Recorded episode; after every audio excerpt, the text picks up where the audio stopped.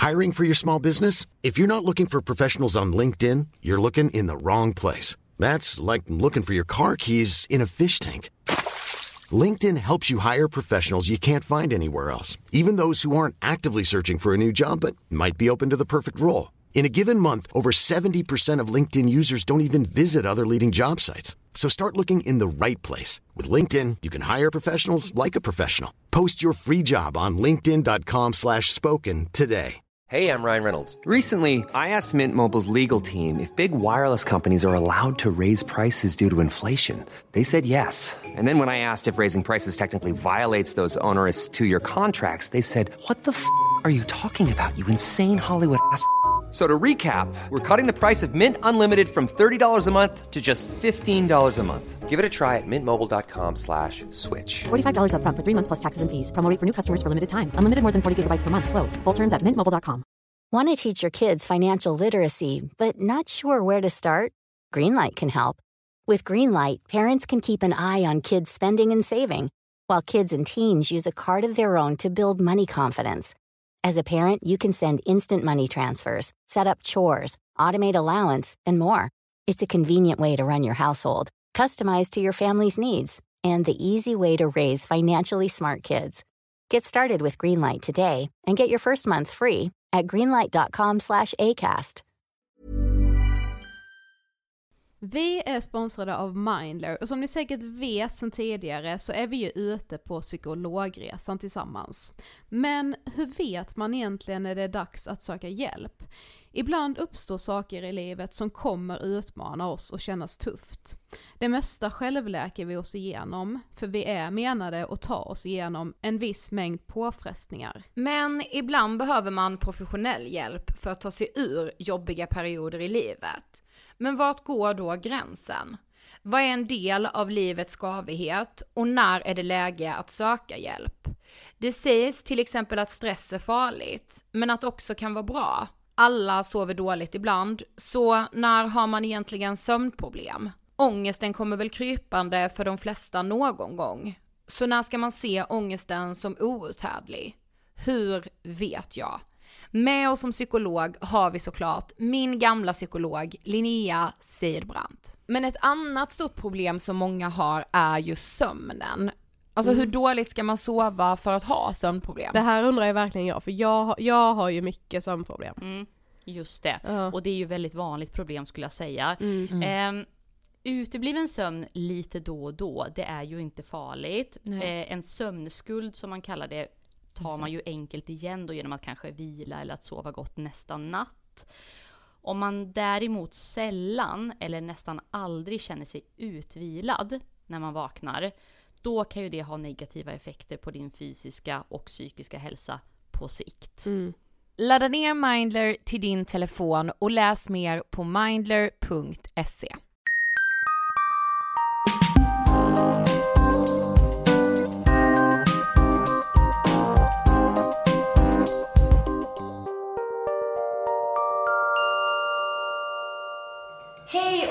välkomna till femtonde avsnittet av Ångestpodden! Vi vill börja med att säga tack för all fin respons vi har fått på det förra avsnittet. Så, så kul att så många har lyssnat och tagit till sig och blivit berörda. Och eh, ja, Mm. Och störst tack vill vi ju säga såklart till Elinor. Ja, som ja, ställde ja. upp och berättade så bra och fint och satte ord på hennes tid med ja, anorexia. jag är så glad att ha träffat Elinor. Mm, och jag med. Alltså verkligen. Hon är... Solstråle. Absolut. Mm. Så tack Elinor. Den här veckan fortsätter vi på ämnet anorexia för att eh, vi tyckte att ett avsnitt räckte liksom inte. Precis. Ja, till den här veckans avsnitt så eh, har vi eh, läst en bok. Alltså vi är bokmalar så vi har ja, men jag börjar tycka om att läsa böcker. Ja. Innan var jag såhär, mamma vad du kanske ska läsa det? Man bara, mamma nej, jag läser bloggar.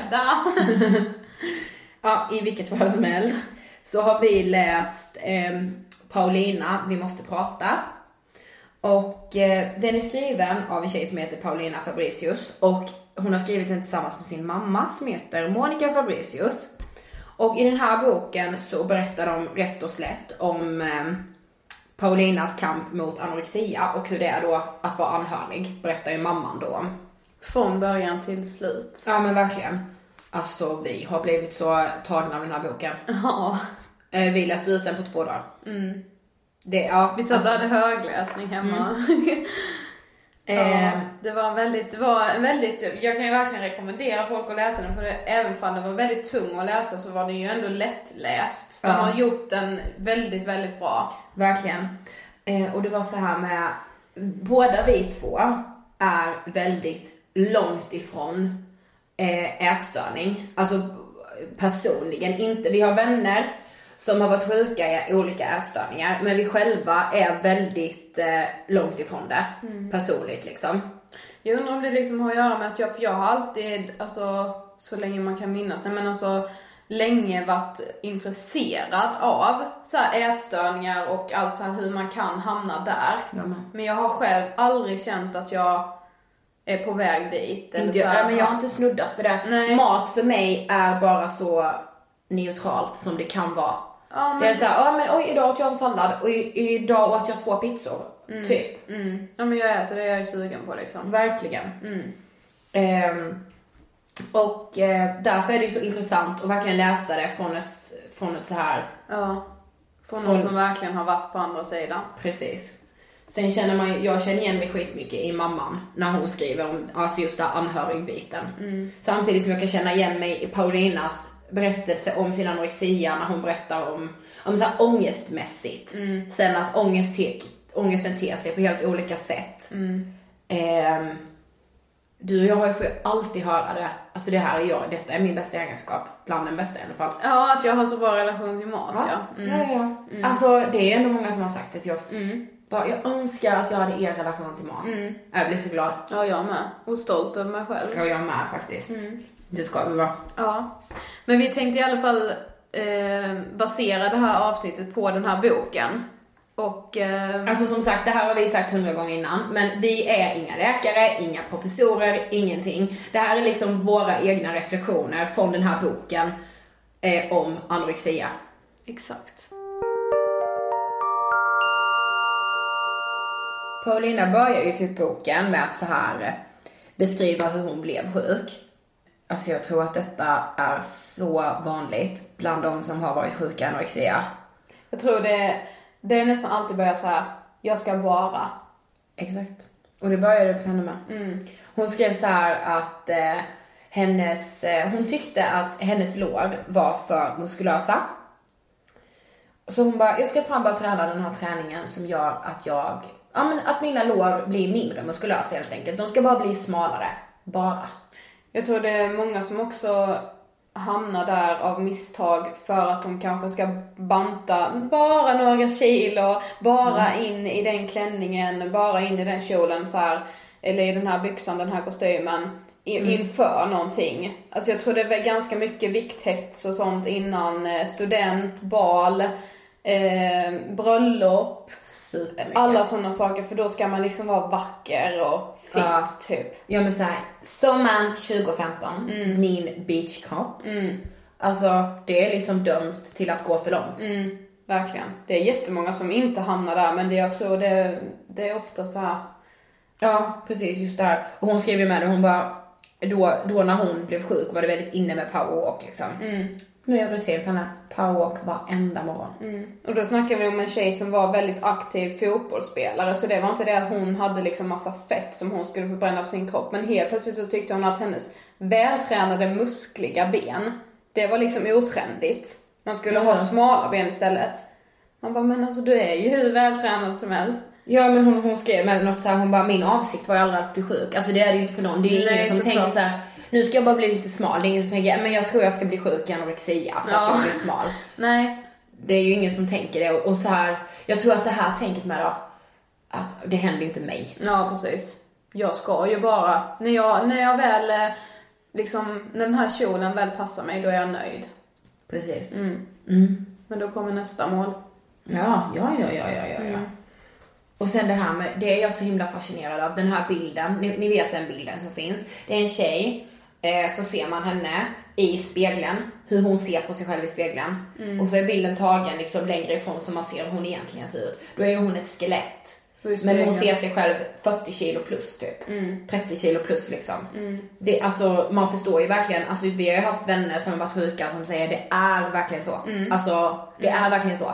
När de kollar tillbaka på bilder idag så är de såhär bara, ofta jag ser ut så, ofta jag var så smal.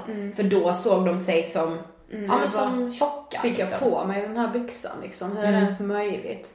Och jag vet så här personer som eh, de tror de är så feta så att de går liksom på tvären igenom dörrar för att de Ja, tror de ska jag. fastna om de går som en vanlig person. Ja. Och bara, fast nej. Ja precis. Det, ja. Då förstår man hur mycket den här sjukdomen också sitter i huvudet och det är absolut inget heller som man väljer utan det bara blir. Det bara blir så. Ja. Ja, hon, hon menar ju det, när hennes sjukdom sen tog fart så, eh, så, så blev det liksom så här, ja men allt skulle struktureras upp typ som så här, ja men matprogram och ja men hit och dit. Hon har skrivit så här utdrag ur min dagbok sommaren 2008, nu läser jag rätt av då. Helt seriöst, ta tag i, i fettet, fan vad jag ser ut. Folk skulle tro att jag var dum i huvudet om de läste detta, men jag kände mig inte bekväm. Jag måste bli mer vältränad. Imorgon är lika med fotbollsträning, fredag är lika med löpning, lördag är lika med löpning. Nu jävlar. Och hon beskriver det som att i början var allt kul. Det var kul detta. Och det kan jag tänka mig, det blir som en helt ny grej. Man ser verkligen så framför sig att fasen vad jag ska bli snygg, vältränad och liksom jag ska bli den perfekta mig själv. Mm. Och typ sen när man börjar se resultat, att man bara jävlar det funkar. Det Ja. funkar ju. Precis. Det, nu kan jag dra åt eh, skärpet ett hål till längre in Mm. liksom. Precis. Jag tror det i början känner man bara seger för man fattar inte vad man har framför sig. Nej, och man tycker liksom att det är kul för man gör upp ett schema och man strukturerar upp och man ska hinna det. Då ska jag laga den maten och... Ja det är ju jättekonstigt att man helt plötsligt blir så intresserad av liksom allt så här. Det är inte bara att man ska bli smal utan det är träningen, det är liksom som Paulina berättade att helt plötsligt skulle hon alltid vara med och laga maten. Det är så här, Ja. från grunden blir man verkligen typ, man får ett brinnande intresse. Ja. Och vi har ju kompisar med som har berättat att men alltså det är mat 24-7. Alltså det är som man drömmer om mat, man Ja. vaknar och tänker på mat. Det är liksom där hela, hela, hela tiden. Ja. Och för, för dig och mig, vi bara, va? Ja. Så vad fan, ja jag, brukar, jag tänker en timme innan jag ska, vad, vad fan ska jag äta idag liksom? Ja. Men för en sjuk person så, så är det liksom inte så, utan de lever verkligen mat. Mm. Och sen beskriver hon ju då när det har gått ett tag i sjukdomen så ska hon till frisören. Och hon, hon beskriver att hon har alltid haft så väldigt långt och tjockt och ja, men ett fint hår liksom. Men hon helt plötsligt så tappar hon så mycket hår. Och det kan man ju tänka som anhörig eller om man själv inte vet om man är i någon riskzon. Att det är ju sådana symptom som syns. Det är ju en typisk sån sak. Tappa håret. Ja men det är klart, får man liksom inte i sig näring så, ja men håret trillar ju av. Det är liksom som, ja men naglarna bryts, allting, hyn blir försämrad, alltså. Ja, allt sånt. Ja. Ehm, och sen även en, en sak som jag vet som är så här, som typ är säkert med det, det är att man börjar frysa jättemycket. Mm. För man har ju inte samma fettmängd kvar på kroppen så man fryser hela tiden. Mm, och man blir väldigt så kall om händerna. Ja, Ja. precis. Och, men hon beskriver ju trots att så här hon har tappat sitt hår så är hon, alltså hon försöker ju bara dölja allting där för hon är väldigt glad för hon tänker, men jo men det här går ändå bra liksom. Ja men det blir ju typ som att hon, eller hon beskrev det som att det var så okej, fine jag tappar håret, men jag blir ju smal i alla fall. Jag får tappa håret och det är värt det liksom. Jag Exakt. blir ju i alla fall smal. Jag, får- ja men jag fryser men jag får ta en extra tröja. Jag får Ja. ha långkalsonger under mina jeans för det får ju ändå plats. Precis. Nu när jag ändå har gått ner liksom. En annan sak också är så här att eh, ett, tecken det är att mensen försvinner. Ja. För tjejer. ja precis, det tar nog lite längre tid kanske. Mm. Det var nog också väldigt olika för Ja. mensen är ju väldigt individuell så men ja. Men det kan man Det ska man också se som ett, eh, varningstecken. ja verkligen. För ofta är det liksom så, man vet absolut inte själv när man är ute på något, på, på djupt vatten liksom. Nej. Absolut inte. Eh, men om man, om man fortfarande kan ha hjärnan med sig eh, när, när, när sådana här symptom börjar komma, då är det dags att liksom säga okej jag behöver nog hjälp nu. Om, man, om man inte känner att man kan backa bandet själv, så är det dags att så här, jag behöver hjälp. Mm. Och om du är där nu som lyssnar på detta, så ta verkligen hjälp. Ja. Innan det blir för sent. Ja, ja, ja, ja, ja. Gör det. Eh, En, en sak som vi tänkte på eh, också när vi så här har, har läst om och tänkt anorexia. En teori är ju så här att det är verkligen ett vi mot dem. Och med vi menar vi att den sjuka tjejen eller killen och sjukdomen, de är ett vi. Anorexian och tjejen eller killen är ett vi. Mamma, pappa, bästa kompisarna, syskonen är dem. Och alltså det blir ju som en bubbla med anorexian och den sjuka. För det blir så här, det är bara sjukdomen som förstår mig. Mm. Man lever ju med den hela tiden så det blir ju som att den blir ens närmaste vän. För det, jag kan tänka mig liksom frustrationen och känna att men mina bästa vänner, så de, de förstår inte liksom. De Nej. fattar inte liksom att jag måste gå ner. De blir typ bara sura på mig. Ja. De fattar ju inte, de fattar ingenting. Nej, precis. Det, ja. Så, ja men liksom anorexia är ju så jäkla stark. Alltså den sjukdomen, alltså den, den är så psykiskt stark. Hon, det, hon berättar ju i boken, Paulina, om när eh, hon har varit hos, eh, hon har väl varit inlagd, tror jag. Och de ska i alla fall åka därifrån, hon och hennes mamma och pappa. Och då åker de till en restaurang och eh, hon beställer en sallad till sig och hennes pappa beställer köttfärssås och spaghetti. Och sen åker de därifrån. Och i bilen så säger Paulina till sin mamma så här att eh, jag längtar så mycket till den dagen jag också får äta det pappa åt.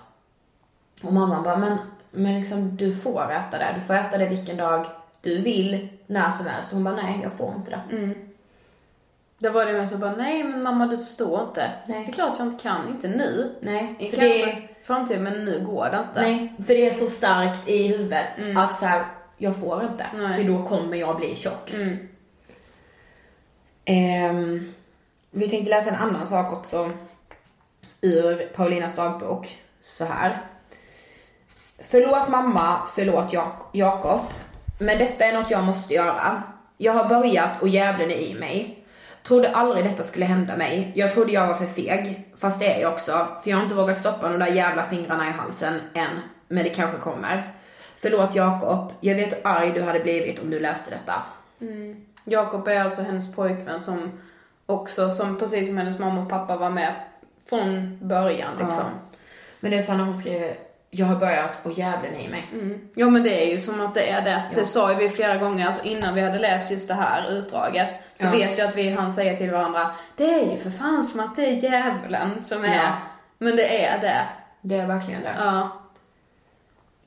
Och eh, man måste ha med sig det, alltså man måste ha med sig det som anhörig eller liksom när man, när man ser ett sånt här sjukdomsförlopp liksom att eh, det är aldrig några val. Nej. Det tror jag är den största myten om just anorexia eller så här ätstörningar i stort. Så här, ja men ät då. Det väl bara till att börja äta. Ja precis. Nej, Nej. det är inte bara till att Men börja om hon äta. bara börjar äta så går hon ju upp i vikt igen så blir det bra liksom. Ja, Mm. det, men det är ju bara det ytliga men det sitter ju fortfarande i huvudet. Ja, precis. Alltså att säga till någon som är anorektiker så här, ja men det är väl bara till att äta. Det är som att säga till någon som har brutit sitt ben, ja men det är väl bara till att gå så Ja. funkar benet igen. Alltså så är det inte. Nej. Det går inte. Nej, och det är lite så här, det är slöseri med tid för alltså det handlar inte om det liksom. Nej, absolut inte. Ehm, som sagt, som vi sa i början så spelade Paulina fotboll. Eh, och hennes mamma berättar om eh, fotbollslaget och när Paulina har eh, blivit sjuk. Och det här var alltså en fotbollsklubb Paulina hade spelat i sedan hon var eh, fem år och nu var hon 20 år. Eh, och efter det att hon har blivit sjuk och inte kan träna längre kommer det inte ett enda samtal från den här klubben. Nej. Alltså jag blir, alltså, så- jag vill liksom gråta när jag hör det. Alltså jag vill verkligen det. Ja, hon bes- beskrev ju också att hon mötte en av sina gamla tränare några år senare. Ja. Och hon fick knappt ett hej liksom. Nej. Inte knappt det. Nej. Men så här, mamman skrev också det att hon, hon har liksom fått pris för en av de bästa spelarna i laget för att hon alltid varit så entusiastisk, alltid dykt upp på träningarna, allting. Från att ha varit det så reduceras hon till ingenting. Alltså förstå hur det känns när man, är, när man redan är sjuk och har en skev självbild. Man tvivlar redan på sig själv och man, man hatar sig själv. Att då så här inte höra någonting från, från, det, från där, där man har blivit så uppskattad innan. Det är liksom samma sak som att ens vänner skulle svika en. Om ni är anhöriga till någon som ni tror så här att bara, okej, hon, hon har det nog inte så bra just nu med maten. Matmässigt liksom. Alltså det sista ni ska göra det är att lämna den personen. Det Hey, I'm Ryan Reynolds. At Mint Mobile, we like to do the opposite of what Big Wireless does. They charge you a lot, we charge you a little. So naturally, when they announced they'd be raising their prices due to inflation, we decided to deflate our prices due to not hating you. That's right. We're cutting the price of Mint Unlimited from $30 a month to just $15 a month. Give it a try at mintmobile.com slash switch. $45 upfront for three months plus taxes and fees. Promote rate for new customers for limited time. Unlimited more than 40 gigabytes per month. Slows. Full terms at mintmobile.com.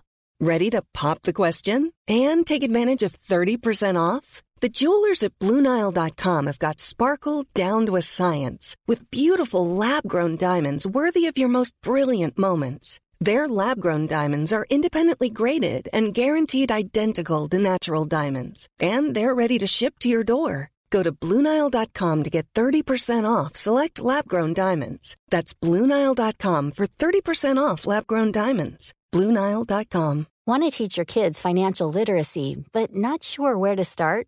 Greenlight can help. With Greenlight, parents can keep an eye on kids' spending and saving, while kids and teens use a card of their own to build money confidence. As a parent, you can send instant money transfers, set up chores, automate allowance, and more. It's a convenient way to run your household, customized to your family's needs, and the easy way to raise financially smart kids. Get started with Greenlight today and get your first month free at greenlight.com slash ACAST. Det är en tuff resa. Som anhörig också. Det vet vi båda två för vi har varit anhöriga. Och jag tror det är väldigt, det är, det är skitjobbigt att ta det steget, att bara fråga typ så här, ah, men hur mår du? För att man, man vet ju att det inte är okej liksom. Men att ta det, man måste försöka tänka att, att om jag tar det här steget, det är ju ingenting om man jämför med vad min vän går igenom just nu. Nej, precis. hon eller han har det är redan tufft liksom. Och förmodligen så kommer det bara vara uppskattat att jag bara visar att jag bryr mig. Exakt. Och bara liksom, ja men hur mår du? Och sen att den personen får, den kanske har så mycket ångest inne i sig som bara behöver komma ut liksom. Ja, och sen just det här som jag sa med att man inte, inte ska svika. Alltså det, det är säkert jättelätt att göra det på vägen för den personen som insjuknar i anorexia är inte samma person efter fyra månader i den sjukdomen, säger vi. De är ju inte riktigt där överhuvudtaget. Nej, alltså det blir en personlighetsförändring och det blir allting sånt. Men alltså det är så här, bara ta det. Bara ta er igenom det. För i slutändan kommer den här kompisen vara er, er evigt tacksam. För även om ni känner då att bara, jag får ingenting tillbaka. Nej, ni kommer inte få någonting till- tillbaka Nej. från någon som är sjuk i anorexia. Men ni kan rädda den personens liv Ja, genom att bara finnas kvar där. faktiskt. För det vet jag också liksom när vi gick igenom en sån tuff period och då var den här liksom bara, men var bara kvar där, var som vanligt och det som som jag fick höra också när, när du inte heller mådde så bra, att var bara som vanligt. Och nej, det är jättesvårt att vara som vanligt när ens bästa kompis inte är det längre. Men då får du som anhörig försöka ha någon som du kan prata alltså med om det här. Men lämna aldrig. Nej, gör inte Nej. det. Och det, det är jobbigt när man inte får någonting tillbaka men ni kommer få det i slutändan. Precis. Eh, en helt annan sak som jag tänkte på också. Det är just det här som nära anhöriga, alltså som förälder eller typ syskon. Att bo och leva med någon som är, eller pojkvän då. Att bo och leva med någon som har anorexia eh, har vi ju verkligen förstått är en eh, kamp utöver det vanliga alltså. Ja. Eh, mamman beskrev ju väldigt mycket så här att hon blir medberoende. Och jag tror att alltså, man blir det så jäkla enkelt. För som hon säger då, Paulina säger till henne, men ju mer du tjatar på mig om att jag ska äta, desto mindre kommer jag äta. Och så är det mamma. Och som förälder då, alltså med kanske ingen kunskap eller så här inte riktigt liksom vet vad, vad är det som händer med, min, med mitt barn. Alltså det är så jäkla lätt att bli medberoende och det kan man inte klandra någon för. Nej, för jag tror också det är så här. Eh, är man en förälder som ser på där någon, annans barn blir sjuk. Då är det nog jättelätt för den föräldern att säga, ja hade det varit du så hade jag krypt på väggarna, jag hade slitit det till sjukhuset så här. Men hade man själv blivit sjuk hade ens förälder kanske inte gjort det för man vill inte inse. Nej. Man skjuter det ifrån sig liksom bara nej men, ja men han eller hon har gått ner i vikt och men nej, nej men de äter. Eller hur? Ja. Det, man, man får aldrig klandra någon för att de gör för lite. För att jag tror det är alltså, man skjuter ju bara det ifrån sig. Det är farligt men det är nog väldigt, det är som med allt annat. Jag skjuter också ifrån mig saker som jag tycker är jobbigt och så låtsas jag att de inte finns. Precis. Men det kommer ju upp till ytan förr Ja, mamma beskriver ju så här om att hon läser på hemsidor och alla symptomen stämmer och hon bara nej, nej, nej, nej, nej, det kan Ja. inte vara sant. Men någonstans där förstår ju hon att okej, det är sant. Nu får jag ta detta liksom. Precis. Men samtidigt som hon säger, skriver då att så här, hon bara, jag kapitulerar, jag, jag lägger mig platt fall för jag vet inte vad jag ska göra när, när min dotter kollar mig i ögonen och säger om du ber mig äta en gång till den här dagen kommer jag inte äta mer resten av den här veckan. Nej vad då hade jag inte heller tjatat. Nej, jag hade inte tjatat på min bästa vän om, till Nej. exempel om hon hade sagt det till mig. Nej. Ehm, men det, alltså det är så svårt. Det är så jäkla svårt. Och redan där när man känner sig som familjemedlem, säger vi, medberoende till den här, alltså med den här sjukdomen så måste man ju söka hjälp. Liksom. Då, är- då har det redan gått väldigt, väldigt långt så då är det verkligen dags att söka hjälp. Ja verkligen. En annan sak med, som vi, alltså som vi faktiskt, som vi kände igen väldigt mycket, för att det är återkommande hos många som är sjuka i anorexia. Det är det här att när man söker hjälp hos, eh, ja men säg att man går till doktorn, man går till sin vårdcentral och så söker man hjälp. Prover och allting sånt. Ja. Nej men alltså de är bra. Ja, det är alltid bra. Allt Och då bra. blir det ju den här, det blir ju liksom en, eh, säg en person som har gått ganska långt in i sin sjukdom.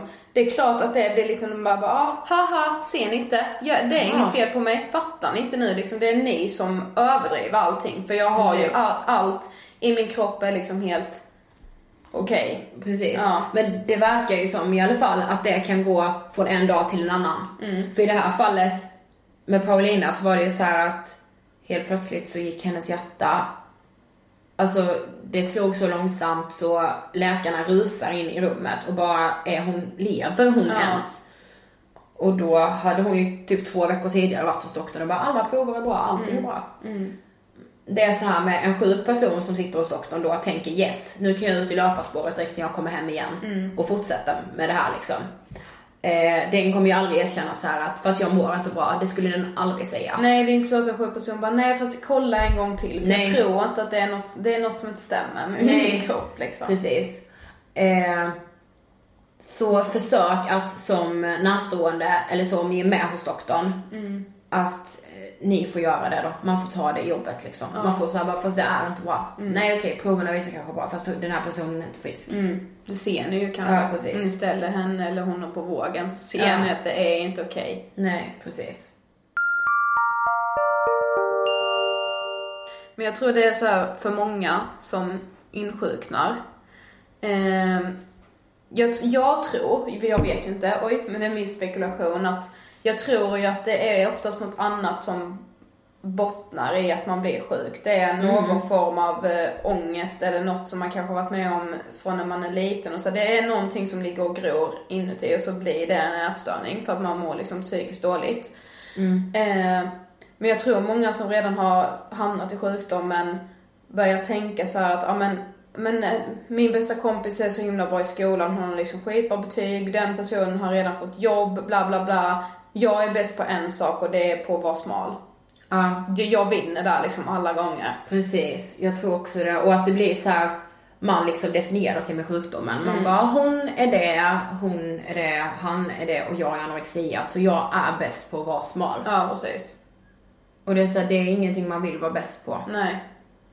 Och det är den här liksom att man vill se alla andra sitta och äta. Ja, det beskriver ju hon också. Ja. Och att man njuter av att se dem, ja, äta för att man bara, men de blir feta, det blir inte jag. Mm. Samtidigt som man så här, det vet jag att vi frågade vår kompis när hon var liksom sjuk.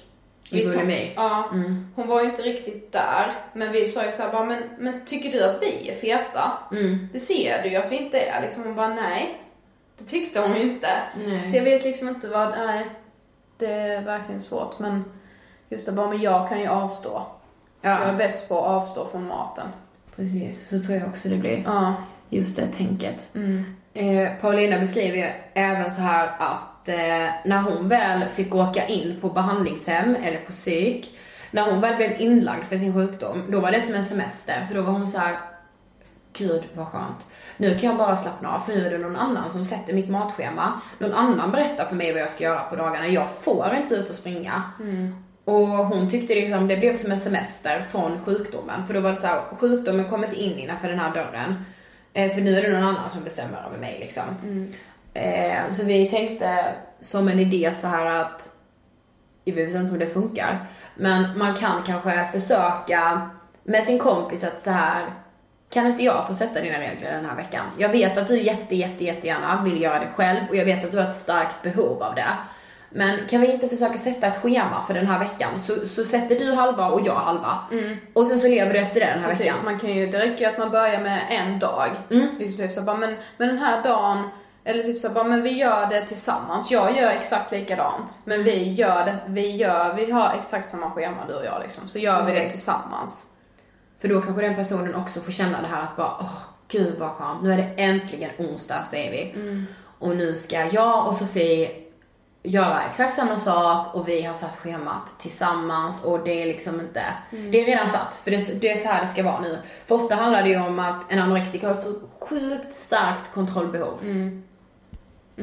Men, och det berättade ju Paulina också, att det här med behandlingshemmen, det är jättebra att de finns och så här. Men det tar ju inte så jättelång tid innan en sjuk har räknat ut att ja men när jag har det BMI, BMI då får jag kom, åka hem igen.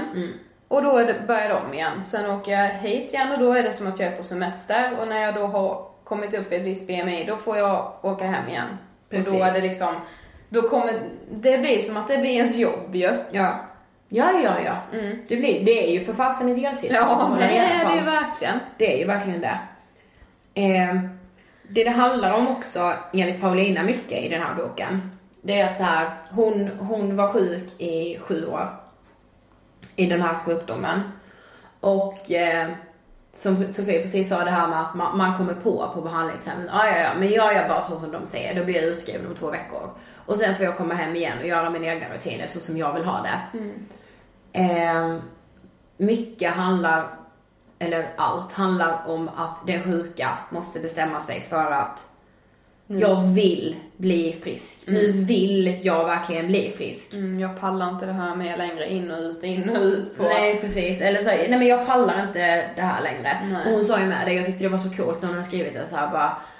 Det var så skönt när jag liksom bara sa nej till min sjukdom. Mm. Anorexian skrek i mitt huvud, du måste ut och springa en halv mil nu. Mm. Och hon bara, nej.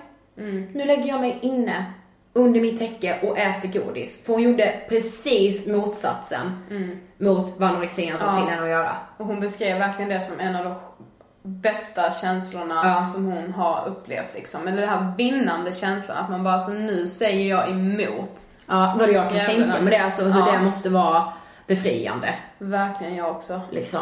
Ja. Och sen så här, det, det tar olika lång tid för alla att komma dit. Det, det, jag, jag kan verkligen tänka mig hur kämpigt det måste vara. Men har man en sån dag så är det bättre än att inte ha en enda sån Ja, dag. precis. Och har du en sån dag ena veckan kanske du har två såna dagar veckan efter. Mm, precis. Och sen var det ju det här med, med att Paulina inte... Många är säkert medvetna om att det liksom grundar sig i någon form av ångest. Men det visste ju inte Paulina. Nej. Hon berättade ju det med att när hon var i ett av sina första så här gruppterapimöten Så sa de så här, bara, men hur upplever du din ångest? Och alla pratade så hon bara, men har jag ångest? Mm. Alltså så här, hon, hon förstod inte det liksom. Men det beskriver hon också sen att när hon väl hade insett det så var liksom det viktigaste att i den här stundande ångestattacken, det är då man måste prata med någon. Det är, visst det är jättesvårt att ha den förmånen och hela tiden kunna prata med någon, i, men att man försöker ut med språket när det väl är där liksom. Försök inte ta ut det genom att, ja ah, men då får jag ut och springa. För det är så de gör, men då svälter jag mig istället. För då försvinner ångesten. Precis. Att man måste prata om det. Ja, alltså så länge man fortsätter springa eller fortsätter svälta sig och så här, den ångesten kommer komma tillbaka. Men det blir på ett helt annat sätt när man typ får prata ut om vad det är man verkligen känner. Då försvinner den på något sätt, då lämnar ångesten kroppen. Mm. Och jag kan tänka mig också liksom att om det då sitter en, om det nu är en vän eller en, en förälder eller en psykolog, men om man bara får prata med någon som ställer liksom de här konstiga motfrågorna. Bara, Men vad händer nu då om du inte går ut och springer? Att man hör själv hur konstigt det låter. Då inser man nu också mer och mer att det är ju i mitt huvud det sitter och det är liksom en sjukdom som är, det är absurt det här jag håller på med. Precis. Och det är inte värt det. Nej, alltså nej. Mm. Vi tänkte också nu så avslutningsvis att vi skulle eh, läsa eh, dels en, en del av eh, hur Paulina själv beskriver det beskriver arbetet som hon ska göra nu efter att hon har blivit friskförklarad och så här. Okej, nu ska jag leva livet som frisk från min anorexi. Och dels Paulinas tips för dig som anhörig.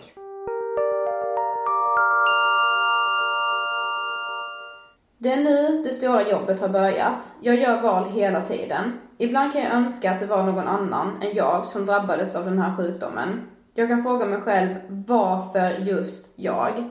Varför skulle just jag råka ut för den här sjukdomen? En sjukdom som förstört så många år av mitt liv. En sjukdom som satt sina spår i min hjärna, spår som kanske aldrig kommer att försvinna. Varför just jag? Min mamma brukar alltid säga att vad det än gäller jobb eller skola så utsätts man alltid för de utmaningarna folk tror att man klarar av. Kanske det är samma sak med min sjukdom. Jag fick anorexi för att jag är stark nog att ta mig ur det. Kan man som jag svälta sig ner till 31 kilo så har jag nog också styrkan att ta mig ur det och bli frisk en gång för alla. Jag klarade det. Jag blev frisk från min hemska sjukdom och jag har lärt mig mycket under mina sjukdomsår och jag har lärt känna mig själv på en helt annan nivå. Och här kommer några fler tips till dig som är sjuk och till dig som anhörig. Jag vill säga till alla tjejer och killar där ute, till er som lider av ätstörningar, att testa att släppa taget om allt som har med ätstörningen att göra, för att se om det friska livet kan vara något att ha. Och jag kan lova er, jag har kämpat och gråtit mig igenom mycket, men det har varit värt varenda liten tår. För det friska livet är betydligt roligare och så mycket bättre än det sjuka livet. Testa på det friska livet. Skulle det vara så att du inte tycker det friska livet är något att ha, så vet du ju alltid hur du ska ta dig tillbaka till det sjuka. Eller hur?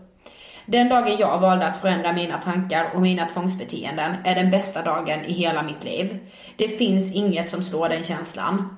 Den dagen jag valde att bli frisk kommer jag minnas i hela mitt liv.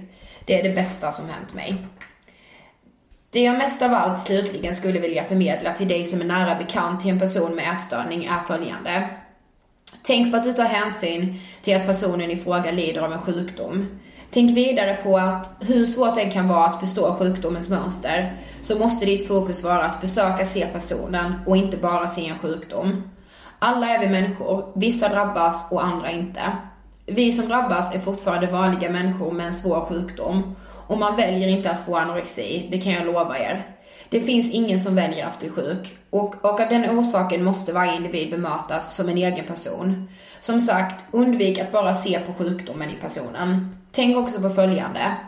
Att trycka ner eller bemöta en anorektiker undvikande är något av det värsta man kan göra, för detta är något som vi redan är experter på att göra mot oss själva. Är det svårt att tackla sjukdomen, ta hjälp av de som är utbildade och kan den utan och innan.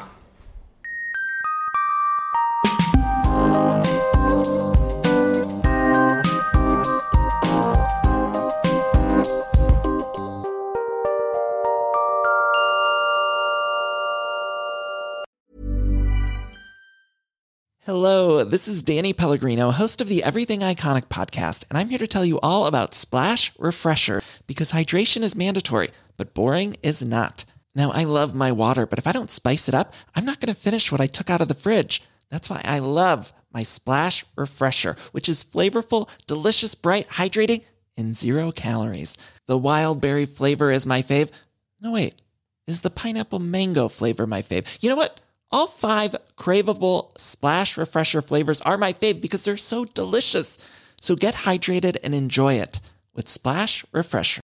Imagine the softest sheets you've ever felt. Now imagine them getting even softer over time. That's what you'll feel with Bowl and Branch's organic cotton sheets. In a recent customer survey, 96% replied that Bowl and Branch sheets get softer with every wash. Start getting your best night's sleep in these sheets that get softer and softer for years to come. Try their sheets with a 30-night guarantee. Plus, get 15% off your first order at bowlandbranch.com. Code BUTTERY. Exclusions apply. See site for details.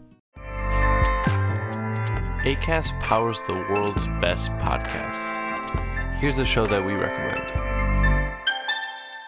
The Real Housewives is a guilty pleasure for most, but if you're looking to not feel guilty about that pleasure, tune in to Everything Iconic with me, Danny Pellegrino, where I break down all the messy moments and behind the scenes antics of Bravo's popular franchise. And on Everything Iconic, I also interview celebrity guests like Kelly Ripa, Kiki Palmer, Drew Barrymore, Cameron Diaz, and more about their guilty pleasures, their past work, and so much more. So if you're pop culture obsessed and find yourself watching way too much reality TV like me, tune in to Everything Iconic with Danny Pellegrino wherever you listen to podcasts. ACAST helps creators launch, grow, and monetize their podcasts everywhere. ACAST.com.